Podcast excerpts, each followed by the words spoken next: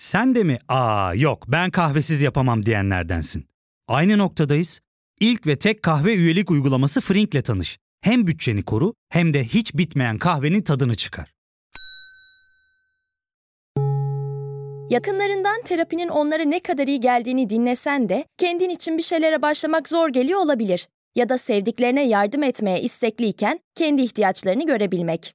Hayvel, uzman psikologlarıyla kendi ihtiyaçlarını bulmanda sana destek olacak. Terapi yolculuğuna başlamak için detaylı bilgi bölümün açıklamalarında. Noel'e sadece birkaç gün kalmıştı ve 25 yaşındaki Christy bütün hazırlıklarını tamamlamıştı. Her öğrencisi için bir kitap almış ve onları özelle paketlemişti. Okula gittiğinde Noel hediyesi olarak hepsine dağıtmayı planlıyordu. Noel tatili başlayınca da okuldan çıkar çıkmaz Şemokin'deki ailesini ziyaret etmek üzere yola çıkacaktı.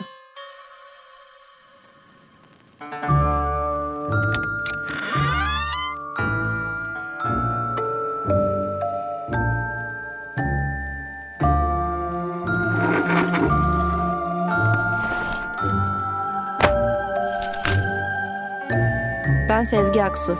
Burası Karanlık Dosyalar. Bugün sizler için Christy Mirak davasını seçtim. Ne dersiniz? Hazırsanız başlayalım mı?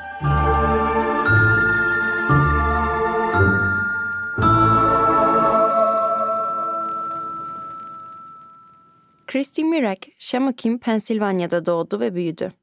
Shamokin, kömür tozunu sokakları ve yolları çamurlu, kahverengimsi bir kırmızıya boyadığı bir kasabaydı. İnsanların çoğu geçimini kömür madenciliğiyle sağlamaktaydı. Ancak 1992 yılında kömür, Şamakin'de ölmekte olan bir endüstri haline gelmişti. Bu sebepten ötürü kasaba sakinleri sıkıntılı günler yaşıyorlardı. Christie sadece birkaç bin kişilik bu üzgün kasabada bir ışık gibiydi. Dikkat çekici bir kadındı ve parlak sarı saçları vardı. Roderstown İlkokulu'nda 6. sınıfların öğretmeniydi. Christie deli dolu kişiliği, sevecen doğası ve her çocuğa ayrı ayrı ilgi göstermesi sayesinde öğrencileri arasında hızla favori öğretmen haline geldi. Öğretmenlik Christie için bir iş değildi. Bu adeta onun tutkusuydu. Öğrencilerine kalbini ve ruhunu döktüğü, temas kurduğu herkes tarafından açıkça görülebiliyordu. Ancak çok az insan Christie Mrack'in sosyal hayatı hakkında bilgi sahibiydi. Kendi ailesi bile kızlarının hayatındaki günlük olaylardan haberdar değildi. Christie özellikle annesine yakındı ve onu endişelendirmek istemiyordu. Bu yüzden öğretmenlik dışında neler yaşadığını ona çok anlatmazdı. Christy Mirak'in hayatındaki bu kör nokta ileride bir takım karmaşıklıklara yol açacaktı. 21 Aralık 1992 Pazartesi Noel'e sadece birkaç gün kalmıştı ve 25 yaşındaki Christy bütün hazırlıklarını tamamlamıştı. Her öğrencisi için bir kitap almış ve onları özenle paketlemişti. Okula gittiğinde Noel hediyesi olarak hepsine dağıtmayı planlıyordu. Noel tatili başlayınca da okuldan çıkar çıkmaz Şemakin'deki ailesini ziyaret edecekti. Ancak ne yazık ki Christy Noel'i görecek kadar yaşamayacaktı. Pazartesi günü Christy işe gelmeyince herkes endişelendi. Sorumlu ve güvenilir bir öğretmendi ve işe gelmemek ya da aramamak onun yapacağı şeyler değildi. Endişeli okul müdürü Harry Goodman, Christie'nin dairesine gitti. Kapı aralıktı, bu yüzden içeri girdi. İşte o zaman Christie Mirak'in cansız bedenini buldu. Derhal komşulardan birinin evine koştu ve sabah 9.22'de polisi aradı.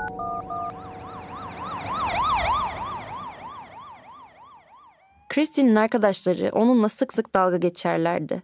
Çünkü herhangi bir yere yetişmek için hazırlanması çok uzun sürerdi. İşe giderken bile böyleydi. Genelde sabah altı gibi kalkar ve kendine kahvaltı hazırlardı. Ardından sabah haberlerini izleyerek biraz zaman geçirirdi. Christie güvenlik konusunu çok ciddiye alan bir kadındı. Kapıları ve pencereleri açık bırakan arkadaşlarına da sürekli kızar ve onları kapılarını kilitlemenin ne kadar önemli olduğu konusunda uyarırdı. Kendi evinin kapısı da kapatıldığı anda kilitlenen bir kapıydı. Eve zorla girildiğine dair hiçbir emare yoktu ortada. Kapıda Christie'nin dışarıda kimin durduğunu görmesini sağlayan bir gözetleme deliği bile vardı. Bu sebeplerden ötürü dedektifler Christie'nin saldırganı tanıdığını ve içeri girmesine izin verdiğini ya da işe giderken birden karşılaştıklarını düşünüyorlardı. Christie'nin Mary Lesko adında bir ev arkadaşı vardı. Mary o pazartesi sabahı saat 7'den hemen sonra işe gitmişti. Christie genellikle sabah 7.45 civarında iş için evden ayrılırdı. Yani onu öldüren kişi her kimse bunu o 45 dakikalık zaman diliminde yapmış olmalıydı. İçeride bir mücadele yaşandığı gayet açıktı. Christie'nin öğrencileri için özenle hazırladığı Noel hediyeleri ve çantalar yerlere saçılmıştı. Christie tecavüze uğramış ve kendi kazağıyla boğularak öldürülmüştü. Müdür Goodman yardım istemek için komşulara koştuğunda hepsi adamın şokta olduğunu ve tekrar tekrar söyleyebildiği tek şeyin yüzü çok kötü olduğunu söylemişti. Christie boynuna, sırtına, göğsünün üst kısmına ağır darbeler almıştı ve katil çenesini kırmıştı. Polis yaralarının boyutu hakkında fazla bilgi vermese de saldırının çok acımasız ve şiddetli olduğu ortadaydı. Çünkü Kristin'in cenazesinde tabutu kapalı haldeydi. Cansız bedeninin yanında ahşaptan yapılmış bir kesme tahtası bulundu.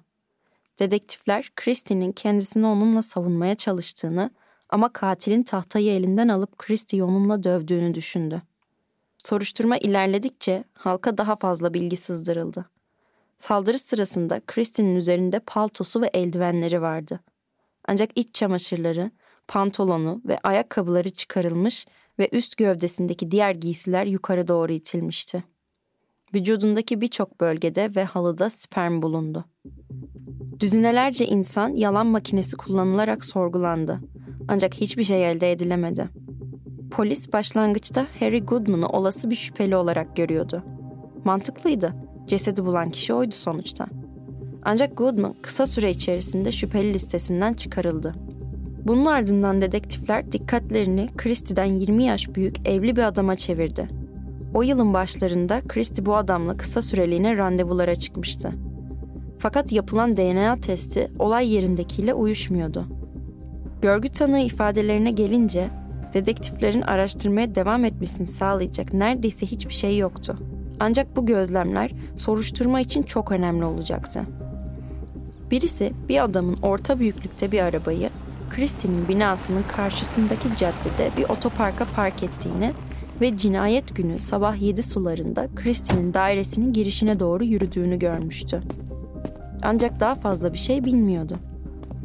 Polis bu adam kendini tanımlamak için ortaya çıkmazsa bu arabanın ve bu adamın Bayan Mirak'ın cinayetine karıştığı varsayımıyla ilerleneceğini belirtti. 1993 yılının ilk gününde polis özellikle beyaz bir araba aradıklarını duyurdu. Bu araba şu üç modelden biri olabilirdi. 1993 Dodge Shadow üstü açılır model, 1990 Dodge Daytona ES veya bir Toyota. Arabayı kullanan kişinin de kaslı beyaz bir erkek olduğunu belirttiler. Polisin söylediğine göre hem şüphelinin hem de arabanın tarifi birden fazla tanık tarafından onlara verilmişti. Aynı zamanda dedektifler şüpheli listelerini daralttıklarını söyledi. Mayıs 1993'te polis bir adamın profilini yayınladı. Bir komşu cinayet sabahı onu gördüğünde yakınlardaki Pitney yolunda yürüdüğünü söyledi. Adam 20'li yaşlarının sonlarındaydı. 90-100 kilo arası, tıknaz, kaslı bir yapıya sahipti. Göğsüne kadar sarkan uzun, orta kahverengi renkte saçları vardı. Yeni tıraş olmuş gibiydi. Çukurlu yapıda gözleri vardı. Mavi, beyaz ve siyah renklerden oluşan soluk bir gömlekle birlikte mavi kot pantolon giyiyordu. İki ay sonra Temmuz ayında polis Christie'nin dairesinin karşısında park halinde görülen aracın açıklamasını güncelledi. Aradıkları adamın 1987 veya 1991 model, solmuş, arka camında siyah filmi olan, gümüş renkli Dodge Daytona hatchback kullandığına inandıklarını belirttiler. Fakat gerçekte suçluyu bulmaktan kilometrelerce uzaktaydılar. Ya fark ettin mi? Biz en çok kahveye para harcıyoruz. Yok abi, bundan sonra günde bir. Aa, sen Frink kullanmıyor musun? Nasıl yani? Yani kahvenden kısmına gerek yok. Frink'e üye olursan aylık sadece 1200 TL'ye istediğin çeşit kahveyi istediğin kadar içebilirsin. Günlük 40 TL'ye sınırsız kahve mi yani? Çok iyiymiş. Aynen. Hatta şu anda 200 TL'lik bir indirim kodu da var. E hadi hemen indirip üye ol da bu fırsatı kaçırma. Terapiye başlamak, içinden çıkamadığın döngüleri kırmak, bazı yanlış bulduğun kararlarını değiştirmek ve kendinle beraber daha huzurlu bir yaşam inşa etmek için atabileceğin en değerli adımlardan biri. Hayvel ile yoğun yaşam tempona uyum sağlayarak online terapi seanslarını takvimine göre ayarlayabilirsin. Bini aşkın uzmandan sana en uygun terapisti seçebilir, PodB10 koduyla indirimden yararlanabilirsin. Detaylı bilgi açıklamalardaki bağlantıda. Kolluk kuvvetleri başından beri Christy Mirak'in katilini tanıdığı varsayımıyla çalışıyordu. Ve 20 yıldan fazla bir sürede bu varsayımla çalışmaya devam edecekti. 1995 yılına gelindiğinde polis 1500'den fazla kişiyle görüşmüştü. Adli tıp testlerine ve olay yerinde bulunan sıvıların karşılaştırılmasına dayanarak 60'tan fazla erkeği şüpheli listesinden elemişlerdi. 2003'te Lancaster Sunday News'a bir arama geldi. Arayan adamın sesi 30'lu yaşlarında gibiydi. Muhabirlerden birisiyle görüşüp ona bir hikaye önerisinde bulunmak istediğini söyledi. Başta muhabir sadece yarım yamalak dinliyordu onu. Ancak telefondaki adam çabucak bir şeyleri söyleyip kaçacakmışçasına hızlı konuşuyordu. Anonim kalma konusunda ısrarcı olan bu adam bir önceki gece arkadaşlarıyla barda içerlerken yaşanan bir olaydan bahsetti. Bardaki sohbetin konusu kemikleri Washington'daki bir parkta bulunan kongre üyesi Gary Condit'in eski stajyeri olan Chandra Levy'di. Bu da adamın aklına bir fikir getirmişti. Muhabire 22 Mayıs'ta gazeteye tıpkı Chandra Levy gibi çifte hayat yaşayan bir kadınla alakalı yazı yazmasını önerdi. Bahsettiği kişinin Christy Mirak olduğunu ve 7 ay sonra Christy'nin 10. ölüm yıl dönümünün yaşanacağını söyledi. Arayan kişi muhabire Christy'nin erkek kardeşi Vince Mirak'ı tanıdığını ve Mirak arazisinde Christy'nin erkekleri götürdüğü bir ahır olduğunu söyledi. İşte şimdi hikaye muhabirin ilgisini çekmişti. Adam gazeteye onun gibi kadınlar hakkında bir hikaye yazmasını önermeye devam etti. Muhabir bu ısrarını anlayamamıştı ve ona bu laflarla ne kastettiğini sordu. Bunun üzerine telefondaki adam Christie'den aşağılayıcı kelimelerle bahsetti. Böyle kadınlar ölmeyi hak etmiyor tabii ki ama başka ne bekliyorlar ki dedi. Muhabir bu aramadan son derece rahatsız olmuştu. Hemen polisi aradı. Polis de FBI ile temasa geçti. FBI aramanın Christy Mirak'in katilinden geldiğine inanıyordu. Ancak aramayı takip etmek için artık çok geçti ve aramada herhangi bir arka plan gürültüsü veya başka tanımlayıcı faktörler olmadığı için araştırmaya devam edebilecekleri pek bir şey yoktu. Dedektifler birinin aramayı duyduğunu ve rapor edeceğini ummakla yetindiler.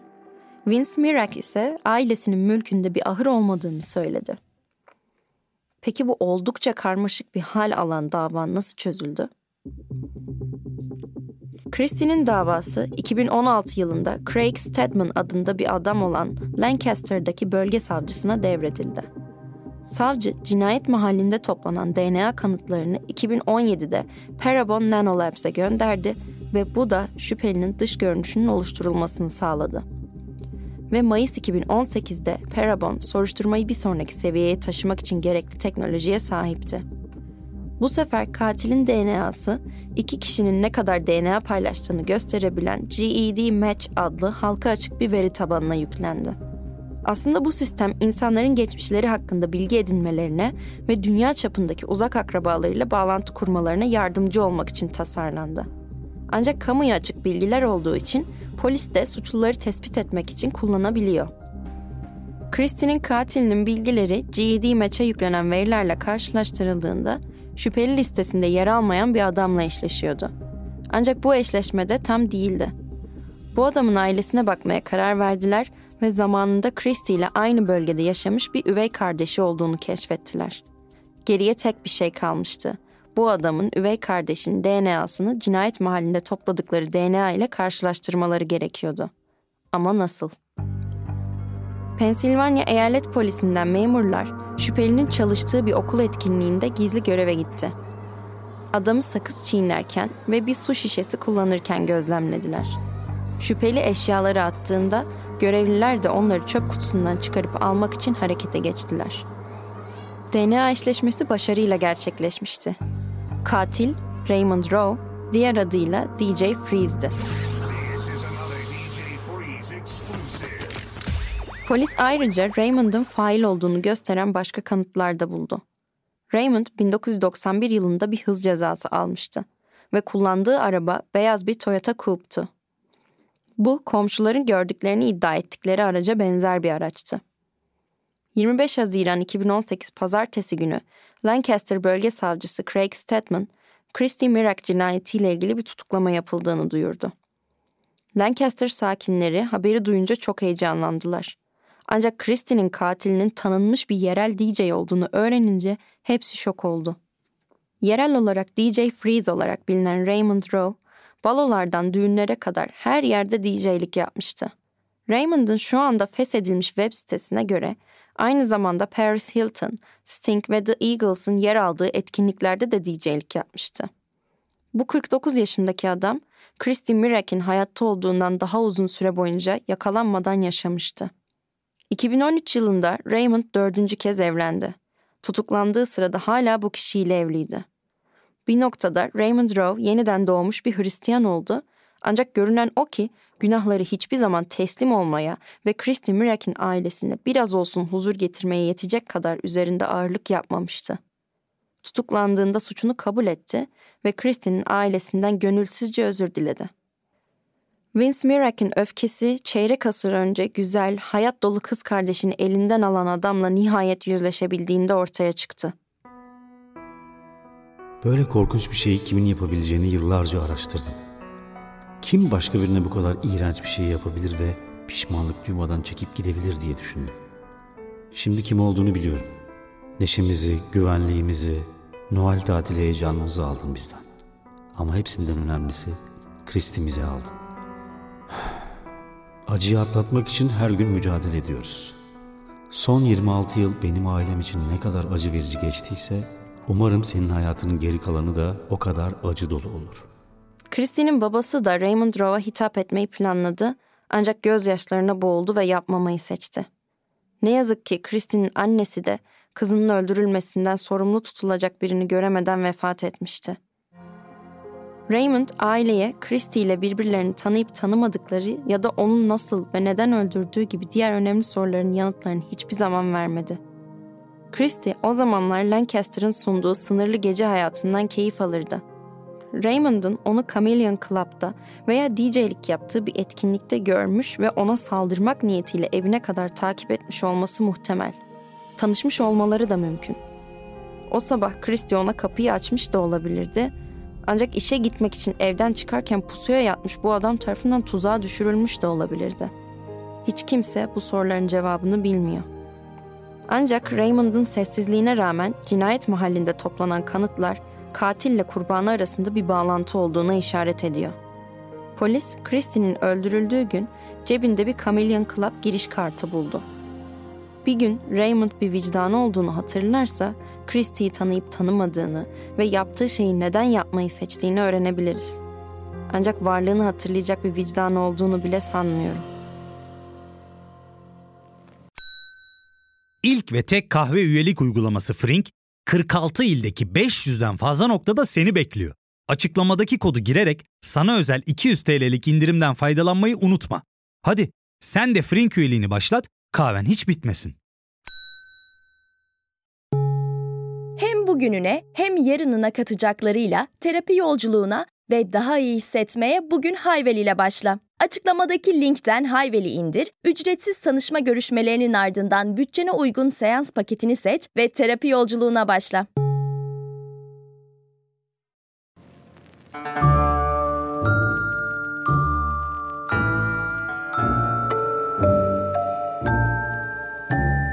Bu haftanın sizler için seçtiğim karanlık dosyasını ziyaret ettik. Başka bir karanlık dosyada görüşmek üzere. Kendinize iyi bakın.